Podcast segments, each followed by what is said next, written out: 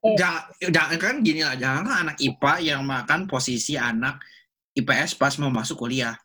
Pas pas kerjanya pun dimakan gitu. Banking isinya anak teknik. Anak-anak ekonominya kagak bisa masuk banking gitu.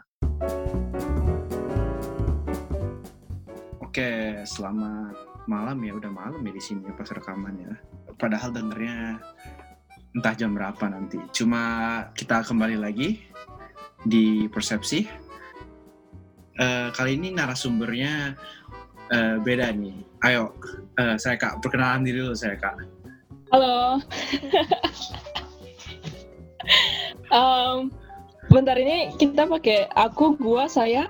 Bebas, bebas. Enaknya aja. Gue gue pakai gua lu sih. Gue pakai gua lu sih. Oke okay, oke. Okay. Uh, yeah. Nama gue saya kak. Um, perkenalan apa nih? Nama gue saya Kak, temennya Alvin. Temennya Alvin, ya, temennya Alvin. Uh, Oke, okay. perkenalannya, sisanya informasinya selama, uh, dengan topiknya kita keluarin dikit-dikit aja lah ya. Iya, betul. Nah, Jadi topik malam ini nih yang mau kita bahas nih buat temen-temen nih perdebatan abadi IPA atau IPS sebenarnya nih. kebetulan, soalnya kebetulan banget gua sama saya Kak tuh kita SMA-nya IPA ya saya. Oke, okay, iya. SMA-nya IPA, tapi kuliahnya kita IPS gitu. Jadi agak mencelok lah, tim-tim mencelok lah. Soalnya kuliah yeah. kita IPS I mean, ya? Liberal arts sih. Jadinya bukan IPS, susah jelasinnya sih, tapi itu intinya kurikulum dari Amerika. Um, habis itu help me out here. Jadi oke, okay. jadi emang kurikulum dari Amerika. Jadi sistemnya tuh um, setahu gue kalau di yang unik kita aja ya tiga dua dua setengah tahun pertama tuh kita nggak ada major ya ininya nggak kayak nggak kayak uh, kalau di Indo kan lu masuk fakultas terus setelah tahun pertama lu masuk jurus kayak penjurusan gitu kan nah, misalnya mm. teknik mesin lu ngambil apa mesin gitu misalnya kalau di kita tuh nggak ada kayak gitu kita tuh adanya sekecil-kecilnya tuh namanya concentration ya. Iya. Itu pun nggak wajib sebenarnya. Itu pun nggak wajib diambil. Uh, jadi kita beneran bebas banget ngambil kelasnya dan emang uh, apa ya namanya bermacam-macam banget sih dia. Kayak. Ya jadi kelas kita itu ada dari misalnya ada kelas dinosaur habis itu ada kelas ekonomi ada matematika ada apa lagi ya? Uh, hubungan internasional ada. Uh, jadi ya memang banyak banget. Fisika juga ada astronomi ada. Dan uniknya itu ya udah kita bisa kayak bebas pilihnya gitu. Uh, actually yang wajib itu cuman dua kelas ya. Satu kelas writing satu kelas nulis esai sama satu kelas statistika Hmm, hmm, itu aja sih benar. Dua doang. Betul. Ya, jadi dari dari mungkin sekitar berapa kelas ya? 50 kelas kita ngambil di empat tahun kuliah, cuma dua yang wajib. Selainnya bebas. Iya. Oke lucu kalau kalau kalau kita tuh eh, nggak uh, ada kelas wajib gitu, nggak ada kelas wajibnya tuh kayak ya. uh, kayak gue sama saya tuh tiba-tiba kayak kurikulum kita tuh beda banget aja sih tiba-tiba saya ngambil kelasnya beda. Gitu. maksudnya uh, beda sama yang dari di Indonesia gitu? Lo bukan. Kita aja ngambil kelasnya beda gitu kan ya? Maksudnya oh, setiap orang gitu ya ya ya. Ya secara individual tuh uh, kayak lu boleh nyusun kurikulum lu sendiri lah kasarnya sih gitu ya. Mm -hmm. ya. ya cuma nggak bisa dibilang gitu. kenapa? Ya ya lu, lu ngambil kelas apa aja gitu? Gua nah kalau gua sih awal awal awal sih nggak celok ya. Soalnya kan emang dari kayak official guideline dari kuliah tuh lu harus ngambil macem-macem dulu emang di tahun awal. Hmm, jadi yeah, gue yeah. udah udah mencicipi gue ngambil linguistik gue ngambil gue ngambil mat nih yang paling juara. Padahal gue masuk kuliah udah bersumpah kagak kan ngambil mat lagi gue gue ngambil mat really? oh, kita kan emang seneng gue nggak emang seneng sih gue gue suka statistik toh udah gitu Udah terus gitu doang. Oke. ya ya tapi gue ngambil tuh ngambil discrete math waktu itu gue gak ngerti tuh belajar apa Oh, iya. penting lulus ya itu juara banget itu juara banget gue ngambil discrete Oh, math oke, oke. Gue lupa lu ngambil ngambil math. Um, tapi Gua ambil- tapi mainly mainly, mainly apa? mainly gue ngambil media sih film eh, Ya. film game animasi hmm, gitu-gitu dah sama kalau bisa ngambil kayak yang keduanya yang paling banyak gue ambil sejarah sih Iya. Iya. Bener sih. Sejarah.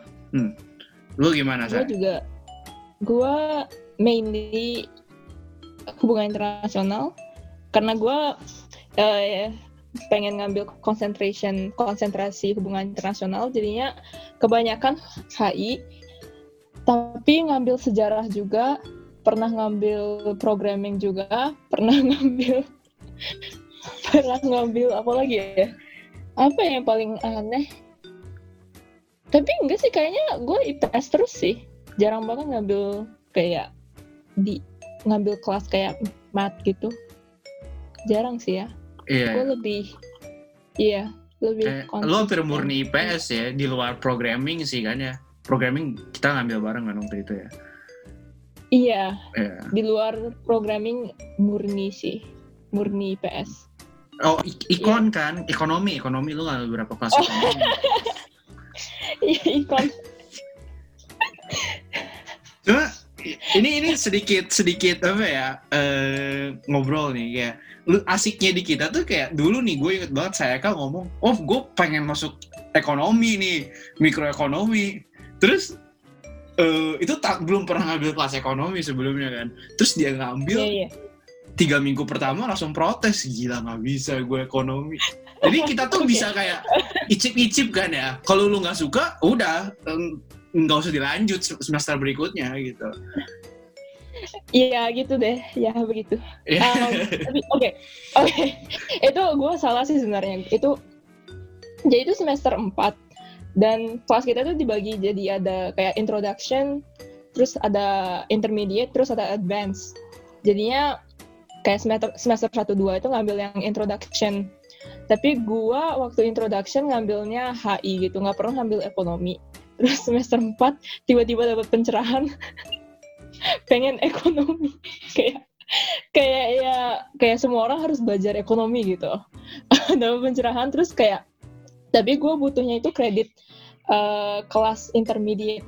Jadinya gue ngambil intermediate ekonomi padahal nggak ngambil introduction ekonomi. Jadi yang itu ya begitulah. Meledak ya? Begitulah. Iya. Gitu sih itu tapi nggak nggak masalah sih oh gue gue sebenarnya yang gue beresin tuh bisnis kelas bisnis tuh hampir semua gue bisnis finance sih kalau gue banyaknya kayak gue Iya. banyak banyak ngambil oh bisnis oh that's true bisnis Oh, iya. lumayan sih gue nggak ngambil nggak semua cuma yang yang lumayan gue ambil gue pikir banget sih Iya. ambil kelas. tapi ya tapi kayak jadi kalau dipikir-pikir kayak kuliah kita itu ada namanya liberal arts, ada IPS tapi ada IPA juga. Soalnya ada programming, ada ada yang tadi kayak uh, matematika ada, Ya. fisika ada. So, I don't know what to call it. ada bio sih ya bionya banyak lumayan ya ada neuroscience ada evolutionary biology kalau nggak salah jadi ya emang kita tengah-tengah lah tapi yang yang selalu menarik tuh ketika kita kita ada jadi kita tuh ada dua teman dekat yang di engineering ya saya Iya iya iya. Nah, jadi selalu kayak pastilah ada ada yang kayak ide mereka beneran itu pure engineering mah IPA banget dan sedangkan kita karena kita emang lebih banyak yang ngambil IPS gitu kan. Terus ya Iya iya. banyak ngobrol jatuhnya yang kayak gimana ya? Biasa klasik perdebatan. Ini ap- apakah benar IPS tuh di bawah IPA gitu kan kasarnya kayak gitu.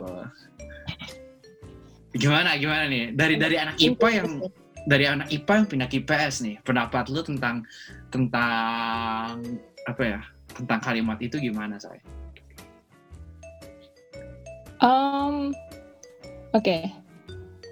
Kalau s- menurut eh, kalau gini, kalau tentang stigma bahwa anak IPS itu nggak sepintar anak IPA, itu gue pasti nggak setuju banget sih. That's my conclusion. Um, tapi kalau apa ya? Kalau mana yang lebih susah IPA apa IPS? I'm not sure.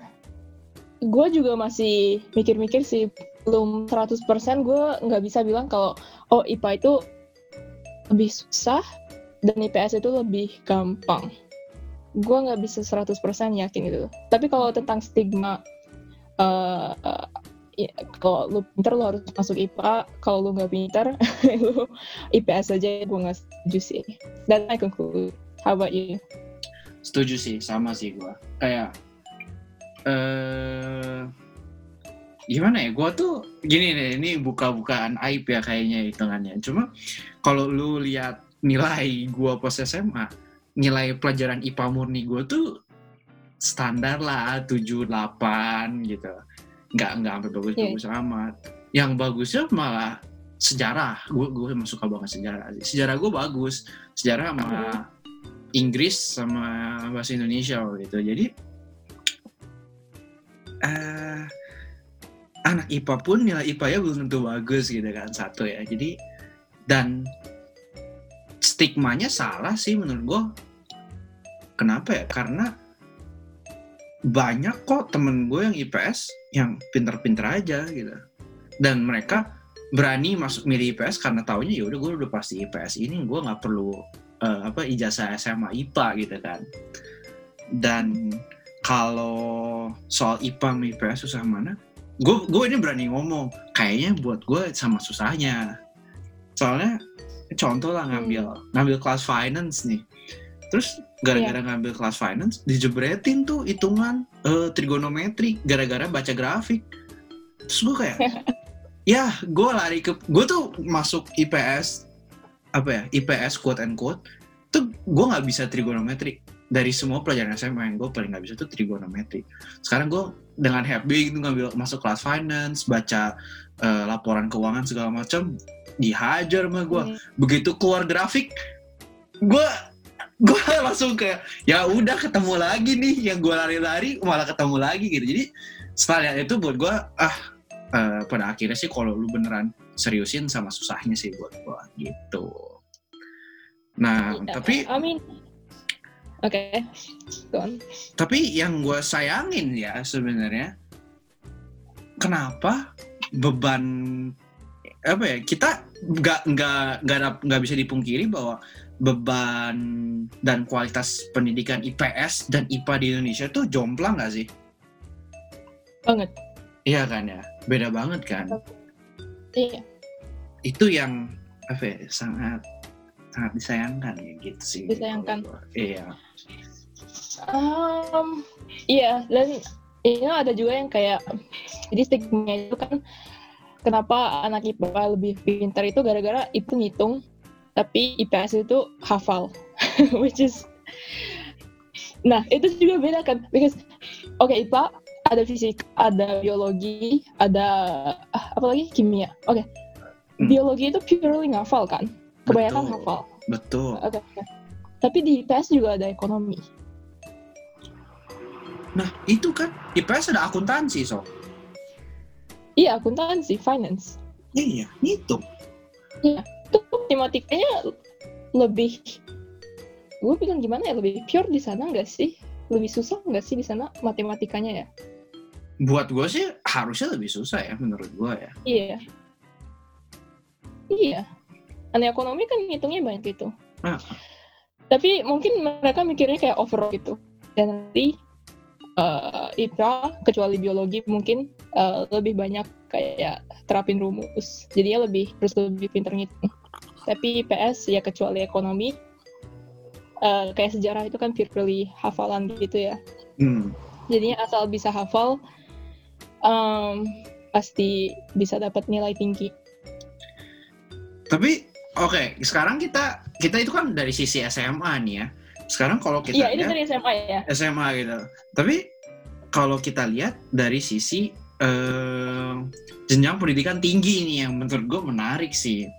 kan oke jadi konteks dia kebetulan gue sama saya kak kita kuliahnya di Jepang nih gitu nah terus eh, ini yang menurut gue menarik kita di sini kan nggak di kampus kita nggak cuma anak S1 kan kalau kita ngumpul-ngumpul anak Indo eh, anak S2 S3 juga banyak gitu nah Hmm. yang menarik tuh anak S2 S3 kayak berapa ya 80-90 persen tuh IPA ya nggak 80 90 masa sih setinggi itu IPA? so Ada actually. Iya iya, benar. kalau kalau nggak kalau nggak engineering masuk ke mana di kita tuh pilihannya cuma eh, bisnis sama ada satu orang gue kenal eh, ekonom oh iya ada G6 ya ada ada ekonomi ada HI dikit. dikit HI ya. HI ekonomi. Pas ada business school ada satu orang, satu dua. satu dua orang gitu. Tapi Terus saya itu iya. oke benar juga sih. Nggak nggak 80 persen lah. 60 sampai 70 persen lah gitu.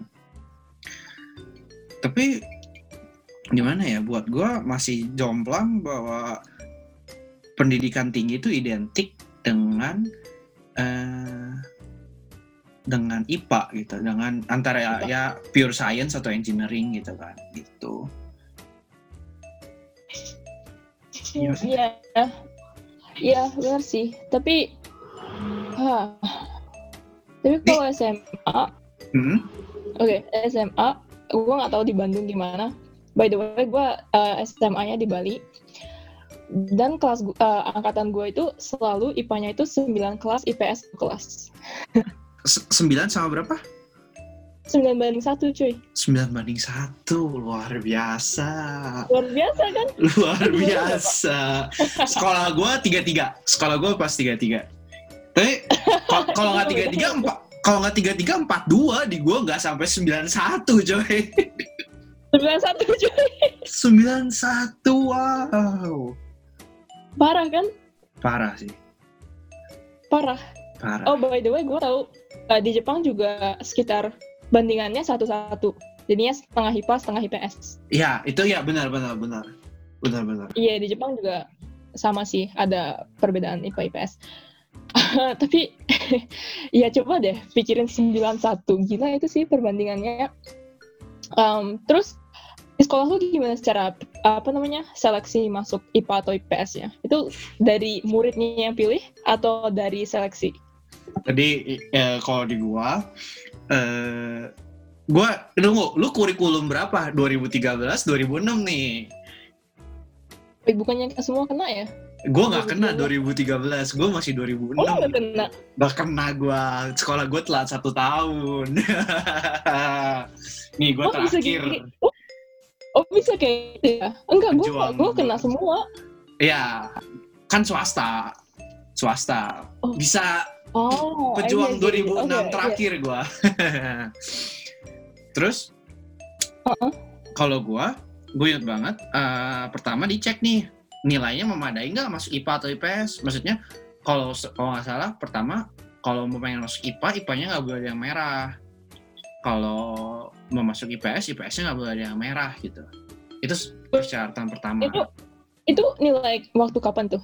Itu nilai, nilai kelas 10 bisa lagi Berapa? gua hari pertama masuk SMA udah disuruh nah kan soalnya udah 2013 kan 13. Ah, hebat. tapi tapi tapi gini lucu loh kayak eh, temen gue rata-rata gue inget eh, di kelas gue dari enggak seluruh angkatan gue yang masuk IPS tuh banyak hampir semuanya tuh karena IPA-nya ada yang merah kecuali beberapa anak emang sengaja milih masuk IPS gitu tapi ada juga yang gak bisa masuk IPS karena IPS-nya ada yang Oh, merah ada.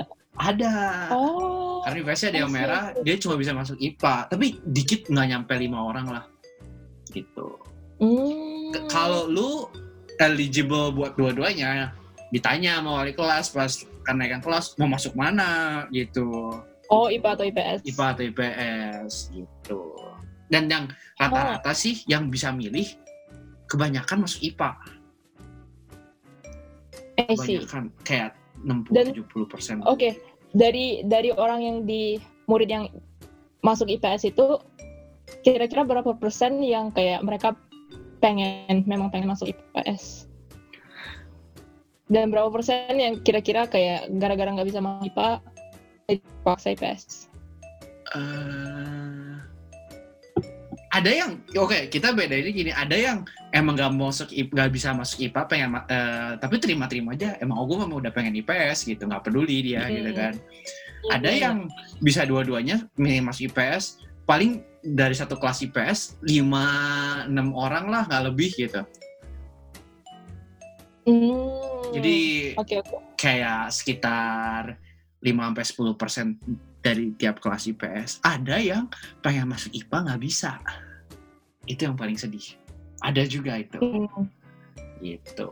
Sih kayaknya ya. Di lu, di lu gimana? Kalau lu pas mulai masuk gimana sih jadinya? Gue nggak pernah tahu nih gitu. Gue nggak terlalu ingat, tapi gue tahu kayak waktu gue hari pertama masuk gitu ya, kayaknya kurikulum masih 2006. I'm not sure. Soalnya Indonesia. Indonesia. Wow. Iya. oke. gue ingat per hari pertama masuk itu kur- kurikulumnya 2006. Eh, habis itu kayaknya satu minggu pertama itu kayak ada mos gitu namanya. Lu ada mos juga kan? Ada, ada Kayak apa mos, ya? ada. Iya mos Ospek, itu. ospek, ospek. Terus gue gue namanya masih mos SMA. Oh, Ospek lebih Iya. lama lagi sih. Tapi ya mos. Gue juga masih mos waktu itu ya. Em, tapi tiba-tiba kayaknya satu minggu sekolah tiba-tiba dari gurunya bilang kayak kalian harus pilih IPA atau IPS sampai besok gitu. gue gue ingat itu kayak last minute banget gitu loh. Antara satu hari atau dua hari gue iya pengen banget dikasih jangka waktu untuk milihnya. So gue ingat gurunya kayak bilang, oke kalau kalian pengen IPA eh, kumpulin form ini dalam eh, apa file warna biru, kalau IPS warna kuning gitu kayaknya. Hmm. That's my ya. Jadinya kayaknya ya, because mungkin gara-gara ada jangka pilihnya juga pendek banget, semua pilih IPA. Ah, tapi nggak ada nggak ada persyaratan misalnya yang bisa IPA yang bisa IPS tuh nggak ada gitu. Nah itu gue nggak tahu, soalnya soalnya gue nggak tahu itu ada seleksi apa enggak. Dia, I mean, emang memang ada beberapa orang yang sengaja masuk IPS. Itu gue tahu mereka memang pengen masuk IPS. Tapi kayak ada nggak ya antara ada apa enggaknya orang yang pengen masuk IPA tapi nggak bisa terus masuk IPS fakta mungkin ada tapi lagian tapi itu kalau kita lihat kayak 9 banding satu itu kayaknya semua lulus IPA deh atau Oh, 90 ya 95% lulus IPA. menarik, menarik. Tapi sebenarnya kita kita tahu dah buat di, bahkan di teman-teman gue juga banyak yang sebenarnya mah sukanya IPS. Ah, lebih ngarahnya ke. IPS lah gitu. Tapi ngambil IPA karena ya udah IPA lebih aman buat kuliah gitu kan kasarnya gitu. Pak Iya. bukan kasar ya, ya Iya iya, itu satu-satunya alasan lah gitu. itu salah satunya alasan. Bener sih, bener. Iya? Em, Itu iya, yang soalnya teman-teman gue juga, iya, IPA lebih aman karena kalau masuk IPA nanti jurusan kuliahnya bisa pindah ke IPS, tapi kalau dari IPS nggak bisa pindah ke IPA gitu kan. Benar. Fix itu yang menurut gue masih paling nggak adil sih dari sistem pendidikan Indo ya. Itu paling problematik sih. Tunggu gue yang gue sedikit kepo kalau di Jepang. Oke, sedikit ini gue menjelaskan konteks ya. Jepang tuh sistemnya kalau masuk kuliah tuh mirip kita ada ada tes sama ada kayak invitation ya O- O- Oh. O- OA kan ya ada kan. Iya iya iya. Nah kalau kalau tes tuh IPS bisa ngambil IPA nggak kalau tes? Hmm. Soalnya kan yang dites mata pelajaran kan ya. Iya. Sure. Ah, gua nggak tahu sih. Tapi, tapi kalau Jepang gua taunya gara-gara di Jepang itu kayaknya tiga tahun SMA itu kebanyakan itu buat eh dipakai itu buat belajar buat tes masuk eh, SBMPTN-nya itu. Hmm. Jadi tapi bisa pindah. Misalnya lu udah masuk IPS tahun pertama, tapi tahun kedua lu pengen ternyata uh, kuliahnya pengen IPA, lu switch ke IPA bisa. Ah, Jadi di Indonesia kan nggak bisa. Misalnya kalau lu udah pilih. IPS, IPS gitu kan. iya. Uh-uh. But I'm guessing gara-gara oke SBMPTN di Jepang itu gila susahnya, susahnya susah banget. Guessing kayak nggak ada yang berani switch dari IPS ke IPA sih, Hmm. karena mereka bakal ketinggalan banget. Hmm. Kalau dari OA, ya invitasi gitu, nggak bisa antar jurusan kan ya? Berarti kan harus dari ya IPA, IPA, IPS, IPS berarti ya? Kayaknya sih gitu, iya, that's my guess. Hmm, Oke, oke, oke, oke, oke, oke, oke. Ya, ya. Tapi gue gua uh, setuju sih kalau yang uh, pilih IPA gara-gara aman, tapi sebenarnya nggak senang IPA, itu problematik banget karena itu emang dari stigma anak IPA lebih pinter itu kan. Iya sih. Oke, yang gue menurut gue problematik itu kenapa ada IPA sama IPS? Kenapa ada kayak dipisah gitu? Dipisahnya tuh kayak rapi banget gitu loh. Ini oke. Eh, eh, Kalau lo pikir-pikir itu, itu ini kayak it's so funny right? Kayak oke.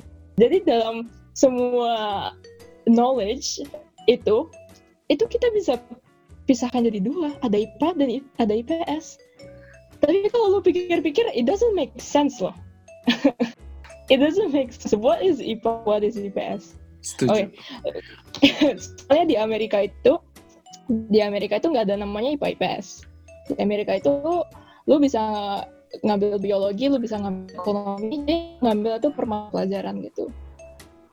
Tapi kalau di Indonesia, di Jepang, kayaknya di banyak Asian countries itu kalau lu ini kita udah jadi paketin gini. Kalau lu pengen ngambil sejarah, lu nggak bisa ngambil biologi gitu loh. kalau lu pengen ngambil biologi, lu harus ngambil fisika, kimia, matematika kayak satu paket gitu. I think it's really funny. Ah, benar, benar. Gue setuju banget sih itu. Gue beneran mm, nggak paham kenapa dibaginya kayak gitu. gitu. Permasalahannya tuh dari dari mata pelajaran IPA sendiri pun kita kita anggap mung- mungkin mungkin ini salah satu argumen ya. Oh IPA harus belajar semua biar ngerti gitu kan. Enggak, enggak gak sih? Kayak lu biologi. SMA, kimia SMA, sama fisika SMA tuh gak, gak ada yang nyambung gitu kan. Nggak ada. Makanya yang gue sedikit kurang paham sih ya gitu. Ya, kalau gua nggak sedikit juga sih. Gue emang benar-benar nggak paham. sih. Bener-bener Soalnya gak paham sih ya. kalau gua misalnya kalau gua bisa pilih nih benar-benar waktu SMA kita pilih pelajaran yang gue suka gue bakal ngambil matematika biologi ekonomi sejarah Bener. Gue bakal, gue bakal tapi gara-gara gue Ya. gara-gara gue dipaksa ngambil IPA if you think about it kalau gue nggak jurusan IPS sekarang ini uh, otak gue uh, uh, pengetahuan gue tentang sejarah Indonesia itu stop di SMP loh Bukannya IPA masih dapat sejarah ya? nggak dapet gue coy Ah, gue masih dapat sejarah gue. Oke, gua- isi otak gua tuh setara sejarah sama sama kayak anak SMP loh untuk sejarah. Lucu nggak sih? Menarik, menarik, menarik. Iya, so yeah, if you think about it, banyak anak teknik, anak IPA yang kuliah orang Indonesia pengetahuan sejarah ekonominya mereka itu setara anak SMP loh. Kalau dibener sih, kalau dibilang itu eh nih, oke, yang lucu lagi. So, lu bayangin kemampuan ekonominya setara anak SMP gitu ya. Tapi kita tahu lulusan teknik banyak yang kerja di bank. Big brain. Banyak ya. Mau udah udah pusing gak lu tuh itu? Jadi sampai SMP belajar ekonomi, terus 3 tambah 4 tahun belajar teknik, tiba-tiba kerja di bank. lucu sih. Ya oke, gue ngerti Ya, argumennya gitu kan kayak ya yang penting lu dapat logika berpikirnya. I, ada benarnya di IPA juga lu dapat logika berpikir, tapi yang pertanyaan keduanya kenapa jadi stigmanya pelajaran IPS tuh lu nggak dapat logika berpikir gitu. Gitu kan. Hmm. Nah, itu juga sih. Itu sih eh, mungkin dari format format tesnya gitu. Emang kebiasaan soal sejarah kita di tesnya apa sih tanggal sekian terjadinya apa gitu. Ya, bener. Beda banget sama beda amat sama sejarah di sini kan. Iya, iya. Itu beda amat. Eh, luar biasa. Luar biasa sih. Iya, kalau sejarah di Indonesia itu bener-bener kayak, ah siapa namanya? Does Dekker. Does ya? Dekker. Oh masih inget Does lumayan. Does Dekker. Lahir di titik-titik tanggal bener, bener banget, woi. Bener banget, woi. Iya ya. iya ya. Eh, setidaknya sejarah di kuliah kita di kampus kita itu ah, menurut gua diceritainnya itu diajarinnya kayak story gitu kayak cerita gitu dan Lebih tesnya kayak itu banyak esai kan ya lebih kayak sebab akibat nggak sih sebenarnya? Oh karena ini Iya, ini kejadian gitu kan. Jadi logikanya Iya. masih dapet lah. Lu masih harus bisa melogikakan nggak sih? Kenapa apa runtutan gitu loh? Runtutan peristiwa runtutan gitu loh. itu. iya nggak mungkin ditanyain kayak ini namanya siapa tanggal berapa lahirnya? Gue kayak Tanggal lahir, tanggal lahir paling mantep sih. tanggal lahir. Tanggal lahir Doris Dekker siapa yang butuh? Big brain. bandingin pertanyaannya gue inget banget nih kemarin baru ngambil British History kan itu 200 Iya. tahun tuh di kompres satu semester. Eh pertanyaannya kayak gini misalnya em, apa Great Famine apa sih bahasa Indonesia nya Eh, eh, konslet ya adalah Kelaparan. itu kelaparan. Ya pokoknya. Jadi ada ada kasus gagal panen gede di Irlandia tahun 1950 itu tuh ya pertanyaannya itu apa sih yang nyebabinnya gitu? Dan emang banyak dia runtutan eh, alasan. Misalnya ada penyakit ada bukan penyakit itu yang nyerang kentang terus dari mainland UK-nya sendiri nggak ada bantuan apa segala macam nggak ada bantuannya dijelasin oh karena eh, kondisi sosiopolitik yang gimana gimana gitu. Itu loh yang, iya iya iya. yang dicari kan jadinya ya. Iya. Iya. iya. Iya lebih fokus ke ini ngapa bisa terjadi. Terus bener fokus ke social konteksnya sih. Sosial konteks sih penting banget ya social konteks sih. Kenapa? Dan orang-orang itu jadinya di kelas history kita itu nanya gitu loh ini kenapa pemerintahnya misalnya ya pemerintah eh, pemerintah Inggris waktu itu nggak eh, nyalurin bantuan apa konteksnya di sana gitu terus Hmm. profesornya jela- jelasin kayak oh jadi waktu ini yang Inggris itu dipimpin sama ini terus um, orang ini ada uh, kata politik sama Irlandia atau gimana lah for example gitu loh. Jadi kayak orang itu bisa nanya gitu loh. Benar. Just the fact that kayak murid-muridnya nanya di, di kelas itu itu gimana? Beda banget sama Indonesia. Kalau sejarah, sejarah di Indonesia kayak karena cuman kayak fakta gitu nggak ada yang bisa ditanyain juga sih. Dan gak dibiasain nanya sih menurut gua. Ya Salah itu juga sih. Itulah menurut gua karena karena gua suka banget sejarah. Gua di di SMP SMA pun pas pelajaran sejarah cerewet tapi tidak puas gitu kan ya. Eh, masuk Oh, lu cerewet juga di SMA lumayan lah lumayan lah gua. Oh by the way Alvin itu cerewet banget belajar sejarah di kuliah. Ya sampai kesel woi gara-gara gua gua tiap tiap tiap pertemuan pasti aja nanya gua. Gue aja kesel loh dan gue temen lu iya nggak apa-apa ya nggak apa-apa sih lu Nggak disayang sama Alvin Iya kan. Tapi gue emang kepo sih. Soalnya ya itu mah gue suka banget sejarah sih. Aneh banget lah. Cuma ya di luar konteks gue suka dan gak suka sejarahnya gitu.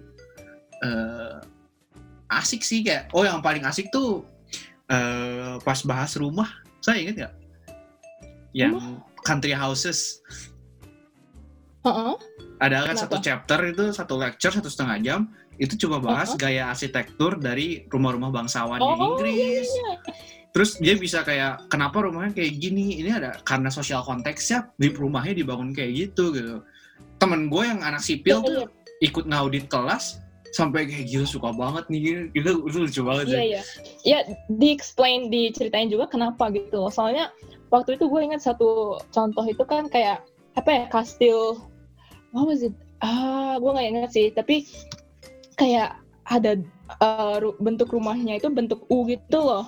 Ya, gue Dan di tengah-tengah itu di tengah-tengah itu ada party room gitu. Hmm, Tujuannya itu karena mereka pengen misalnya kerajaannya itu pengen uh, nyombongin gitu pamer uh, betapa megahnya kastilnya itu di party roomnya gitu. So Terus yang, Iya. yang nambah dah jadi ikut cerewet. Tapi terus yang asik tuh dari U-nya kalau lu minggir makin jauh dari tengah tuh Iya. itu tuh makin makin intimate kan. Jadi kalau lu Iya, iya. sebagai Iya, itu gue seorang ingat. sebagai seorang tamu, lu makin dibawa jauh dari party room tuh artinya lu makin deket sama si yang punya rumah gitu. Soalnya iya. di ujung U-nya tuh itu kamarnya. Dan kalau lu tuh bisa sampai dibawa kamar tuh udah kayak udah BFF lah gila kan gitu. iya. Jadi dia bisa tahu kayak seberapa penting tamunya itu dari kayak seberapa jauh tamu itu boleh masuk Tuh. di rumahnya. Betul. That's interesting, right? That's- itu itu menarik loh. Menarik itu banget. kayak sejarah sejarah yang kita nggak pernah diajarin caranya di Indonesia. So, Iya, ya, itu sih. Itu yang sayang banget aja sih. sayang banget sih. Jadi banget. ya mungkin mungkin oh gara apa gara-gara pendidikan di Indonesia itu kebanyakan fakta ya. Jadi jadi kesannya itu kayak IPA lebih penting dan kualitas pendidikan IPA lebih tinggi. Menurut lu gimana? Karena oke, mungkin kalau sejarah di Indo itu diajarinnya kayak sejarah di sini makin menarik kan. Jadi Hmm. kayak gue ke sini gue baru ngerasa sejarah itu penting, baru nyadar gitu. Di Indo gue nggak pernah sih nyadar Hmm. sejarah itu penting. Mungkin ini di mungkin murid Indo juga jadi kayak gitu kesannya. Tapi gara-gara IPA itu bener-bener fakta ya. Jadinya kayak ada rumus ini, cara pecahinnya kayak gini. Itu lebih straightforward gitu nggak sih? Jadi kayak oh dapet gitu langsung. Tapi kalau kalau lu pikir-pikir gitu ya, ya emang dua-duanya emang Indo mah base fakta banget sih. Kayak kita Iya. di sini diadu suruh apa ya knowledge kayak gitu mah kita menang lah gitu sama orang luar percaya dah gitu. Anak Indo ngapalnya mah kenceng eh gara-gara emang kita mah suruh suruh ngapal gitu. Tapi Iya iya, gue hafalnya kenceng banget di sini. kenceng banget kan. Tapi lu Iya. inget nggak saya kita jadi gua sama saya kan tuh ngambil kelas diskusi pertama di kuliah tuh bareng. Terus Bareng. pas suruh jadi tugasnya tuh tiap minggu kita ada bacaan terus ditanya pendapat Iya. lu apa gitu terus kita tuh nggak tahu saya kayak cuma gue kaget banget oh kok orang bisa berpendapat kayak gitu dari bacaan yang sama sama gue gitu Iya, gue juga kaget soalnya kayak ngapain kita harus apa ya ngasih pendapat ke sejarah gitu loh. Sejarah itu kumpulan fakta. Iya. Kayak buat apa pendapat itu?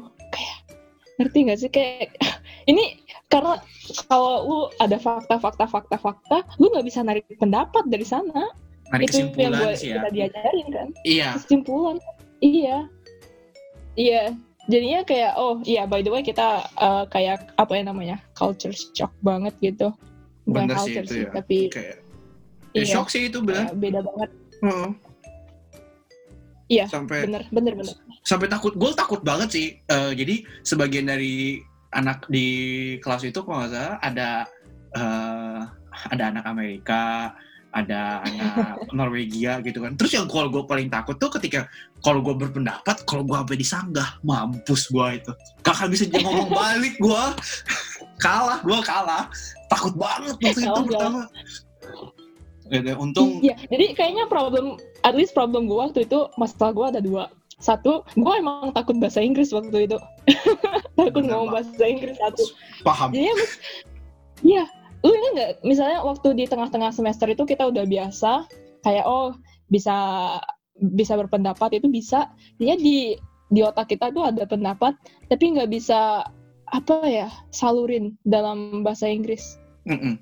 Dengan lancar. Mm-mm. jadi gue kayak iya habis selesai ngomong itu gue kayak itu bukan yang pengen gue bilang gitu loh nggak akurat gitu loh bahasa Inggrisnya. Jadi ada dua problem di sana sih menurut gue setuju sama sih gue kayak walaupun Iya. walaupun kita udah biasa jadi gue kita sama lah ya kita udah biasa baca buku bahasa Inggris nonton bahasa Inggris iya iya mah iya.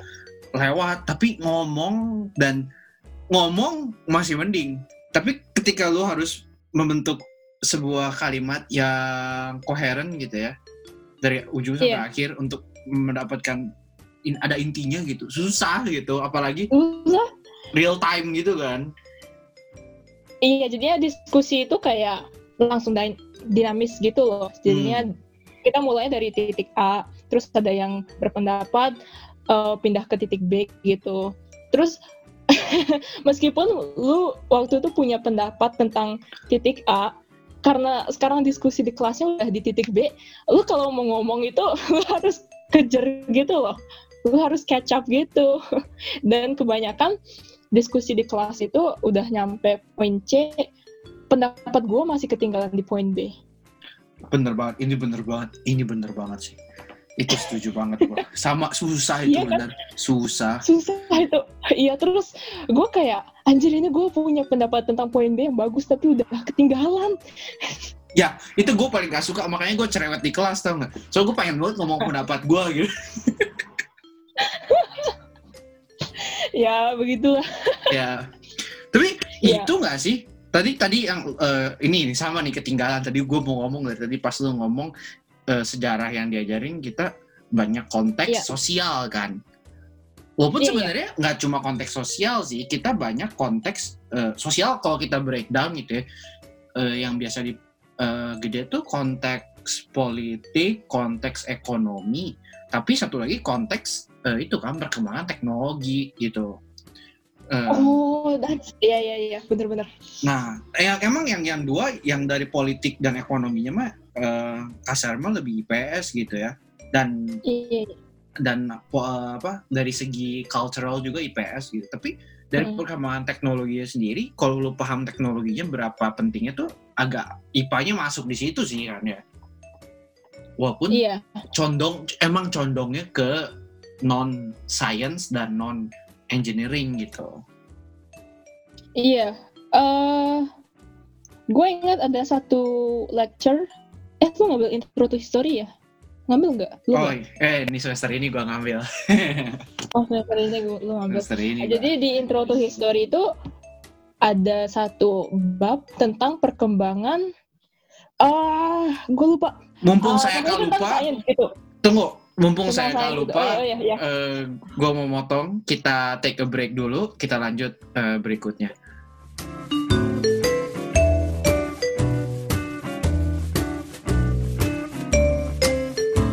Oke, kembali lagi. Ayo saya kak tadi lu mau ngomong apa? gue ngomong gue baru ingat penicillin Oh, penisilin. Ya, ya, ya, ya, ya. ada tentang perkembangan penicillin dan perkembangan apa ya anestesia itu apa bahasa Indonesia-nya gue lupa Eh, bius, bius. obat bius ya Obat bius. bius ah, ah. jadi lecture hari itu benar-benar kayak sejarah IPA gitu Nah, itu kan perlu ya lu kalau lebih paham IPA lebih paham untuk lecture gitu kan. Iya tapi kayak gue nggak tahu sih di Indonesia kayak gimana ada apa enggak tapi it just kayak gimana ya, sejarah IPA itu it just sounds weird nggak sih di Indo Sejarah. sejarah IPA kayak di kimia itu kita hafalin tabel periodik. kayak tabel periodik itu tapi kita nggak pernah dijelasin sejarahnya nggak sih Eh, dapat dikit tapi itu teori atom doang. Teori doang kan Teori doang. Siapa nemuin teorinya, kapan? Eh nggak kapan juga sih kayak urutan perkembangan teorinya udah sih. Tapi nggak nggak sampai dalam amat gitu loh.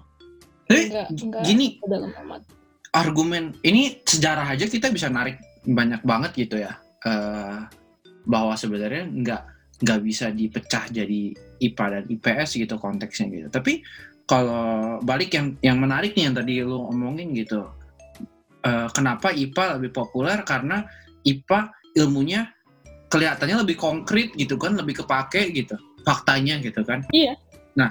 Iya, bener. menurut gua enggak malah ambillah ekonomi lah gitu.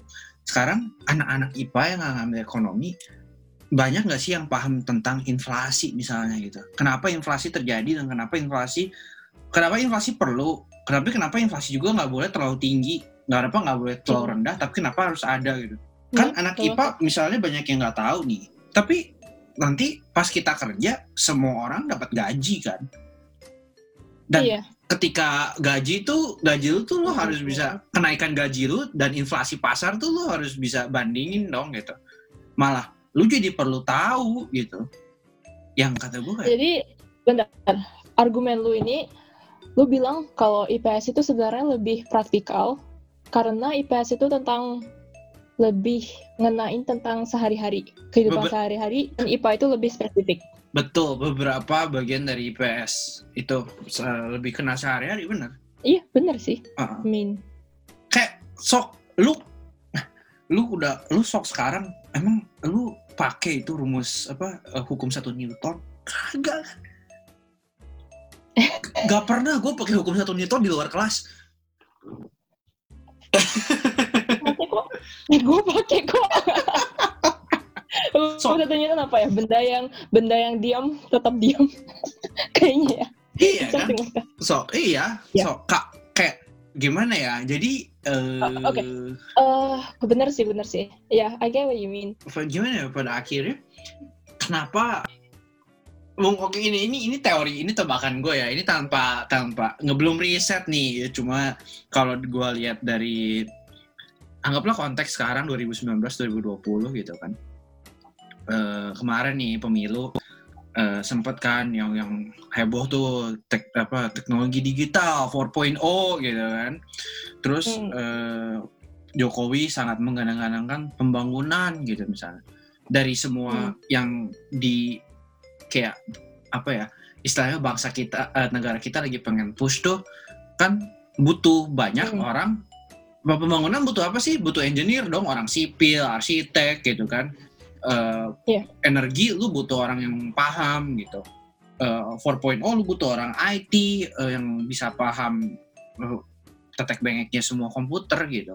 Jadi kelihatannya perlu lebih banyak orang yang paham dari sisi itu apa mata pelajaran IPA dan science dan engineering gitu ya nggak sih Hmm. Menurut gue sih bener. dari situ gitu tapi orang Iya. lupa bahwa lu tuh perlu IPS juga sebenarnya Ak- akuntansi nggak akan pernah hilang gitu kan sama ada yang namanya perusahaan akuntansi nggak akan pernah hilang gitu misalnya Eh, belum Hmm. belum kayak eh, hukum misalnya gitu hukum kan nggak tahu sih identiknya IPA IPS sih IPS kan ya Best. IPS tapi di mana mana lu bersinggungan dengan hukum gitu Hmm. bahkan kalau lu saintis hukum tuh malah lebih penting buat nanti kalau nemuin apa em, hak apa sih itu namanya paten Paten. lu perlu paham paten jadi menurut gua kayak kalau idealnya sih boleh milih yang emang lu tertarik dan boleh ganti sih menurut gua Ah, itu penting. boleh ganti sih Hebat ya. Kalau lu pikir-pikir kayak sistem pendidikan kita itu kayak percaya banget sih sama anak kelas 1 SMA. Mereka udah tahu ke depannya pengen ngapain. cuy jangan jangan anak jangan anak kelas 1 SMA gua aja masih sekarang bertanya gila gua lulus apa mau lulus SMA gitu ya dipercaya bisa tahu gua kuliah jurusannya ini nih gue kayak wow gue melenceng banget loh Melenceng banget. Gue juga.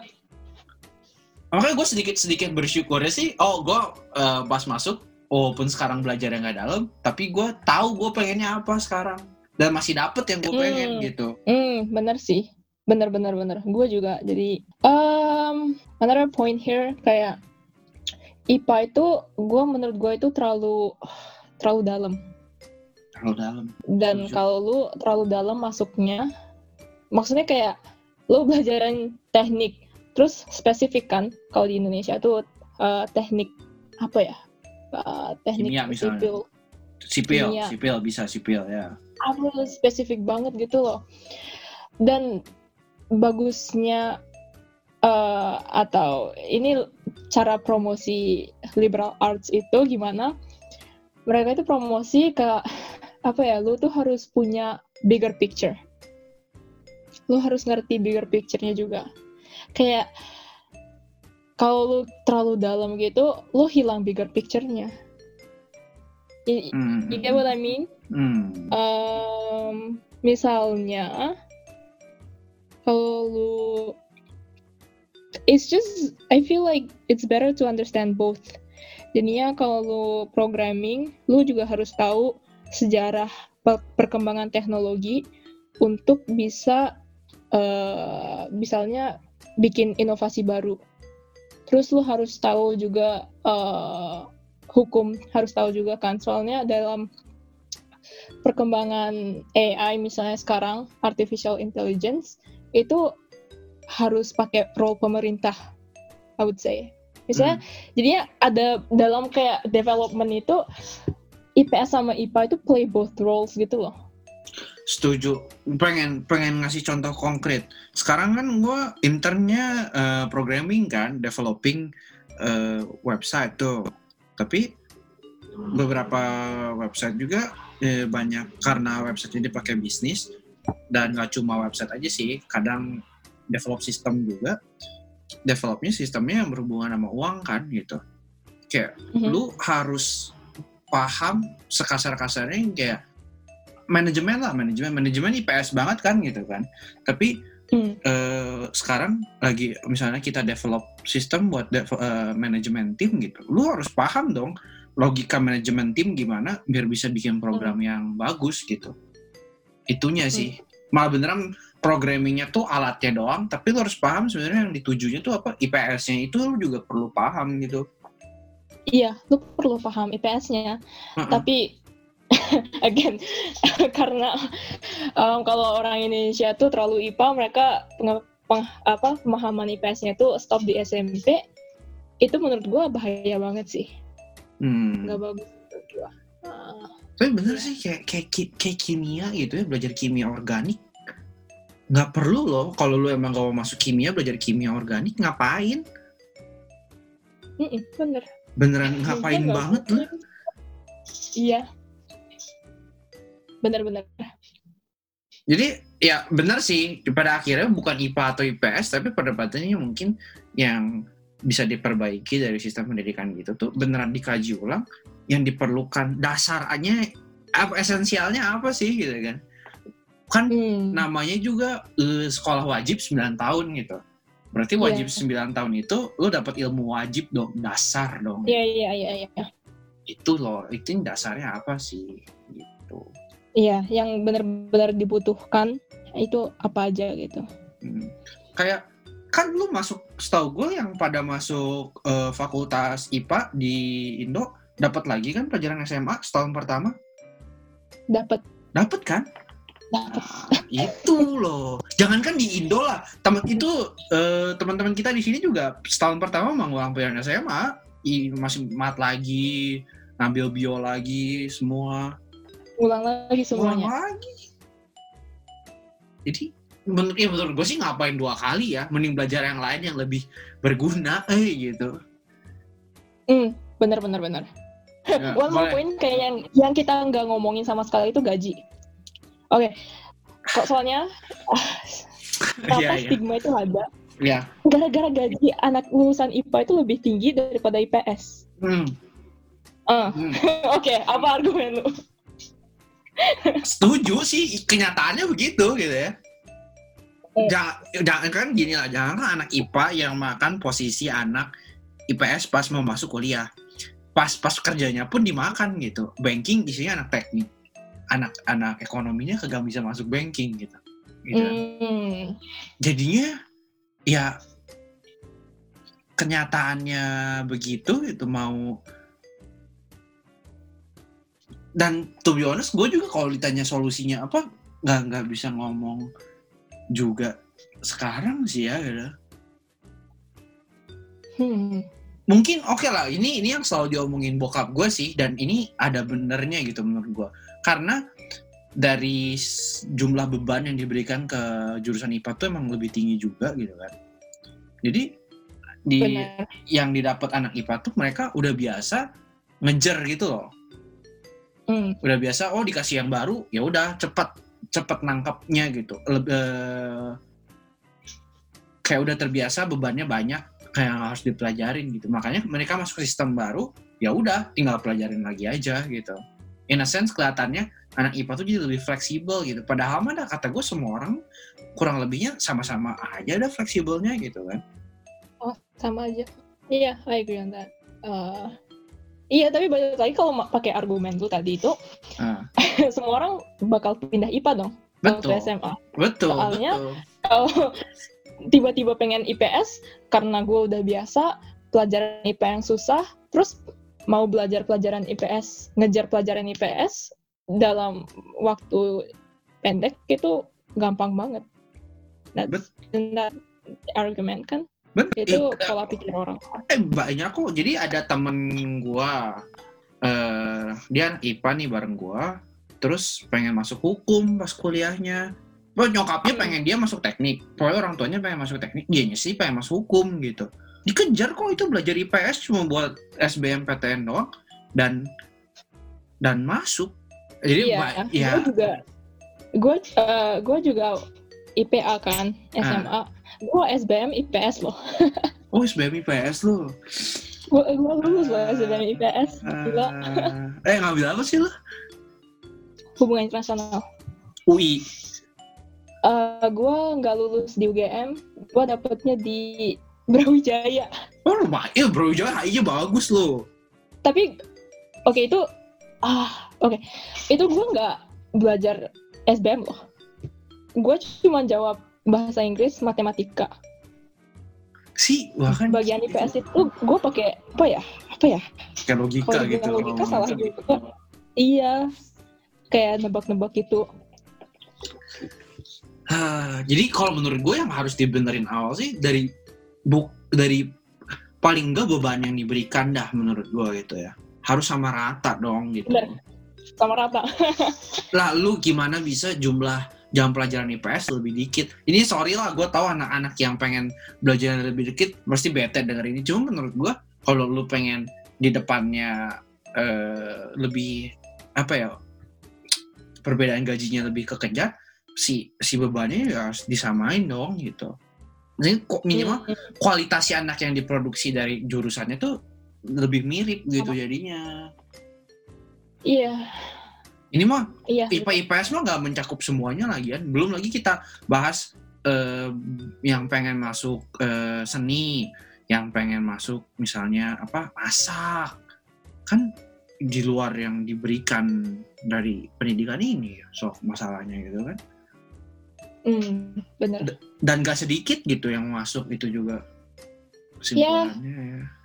simpulannya tapi eh, tentang yang IPA itu lu menurut gua nggak harus ngambil semua sih. Ketiga-tiganya kimia fisika biologi. Karena nggak bakal kepake.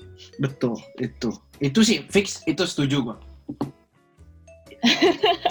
Setuju sama sama IPS sosiologi tuh nggak terlalu kepake. Yang lebih gua nggak paham lagi tuh geografi loh. Geografi geografi belajarnya tanah belajar astronomi gitu. Itu itu beneran kayak lu kagak tahu pun nggak apa-apa. Nggak iya nggak sih? Oh iya. Maksudnya oh, lo bilang itu nggak nggak butuh gitu. Nggak nggak esensial juga. Gua nggak ya IPS juga nggak semuanya esensial gitu. Iya, bener sih. Ah, Iya, so bener sih. Dan oh random, tapi gue, oke gue tahu gue baca buku ini. Ini buku favorit gue. Eh, judulnya When Breath, eh apa namanya judulnya? When Breath Becomes Air kayaknya. oh ya Terus kayaknya gitu.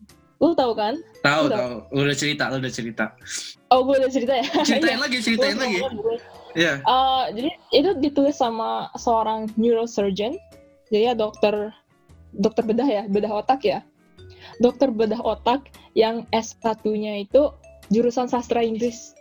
Jadi di Amerika itu kalau mau jadi dokter itu S1 itu boleh jurusan apa aja, nggak ada jurusan kedokteran. Kedokteran itu dari S2 ke atas.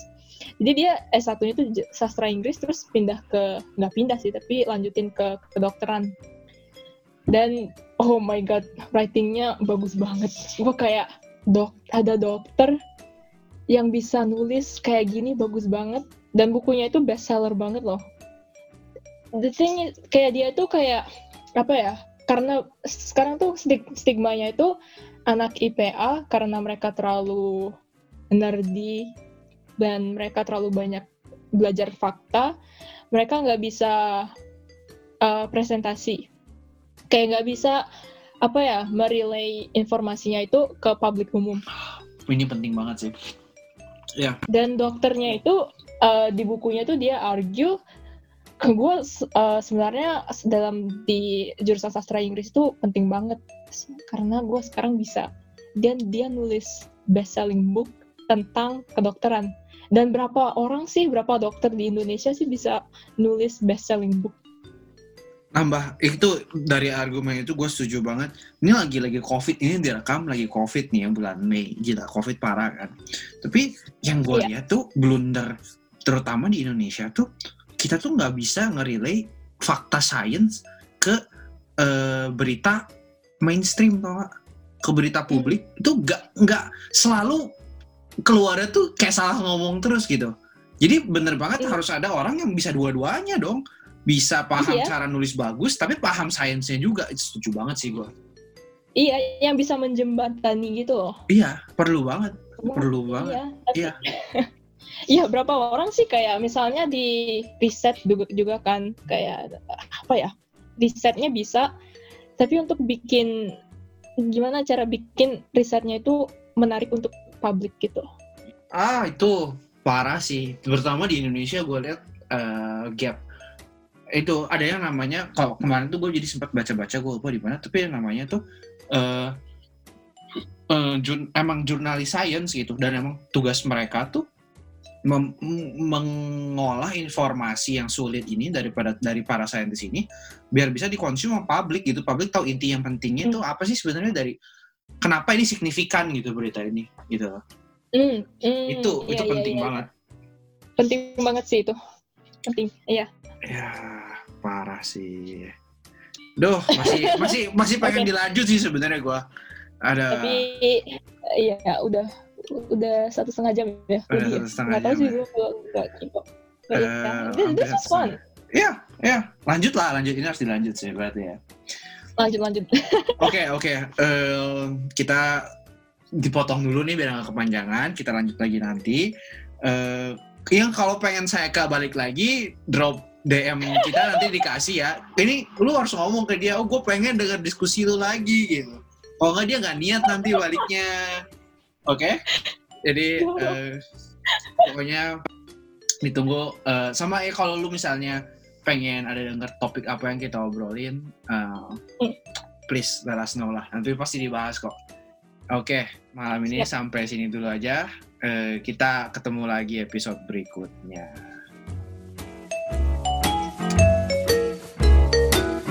Yo guys, ini KJ dari Persepsi. Thank you banget udah dengerin episode ini sampai akhir-akhir nih. Kalau kalian tertarik dengan topik-topik tertentu, kita bisa bawain kok. Boleh banget DM ke IG kita. Stay tune terus ya buat episode selanjutnya. Bye! Saya episode berikutnya langsung rekaman lagi. gua hayu sih, gua hayu. Lagi panas nih, lagi panas nih.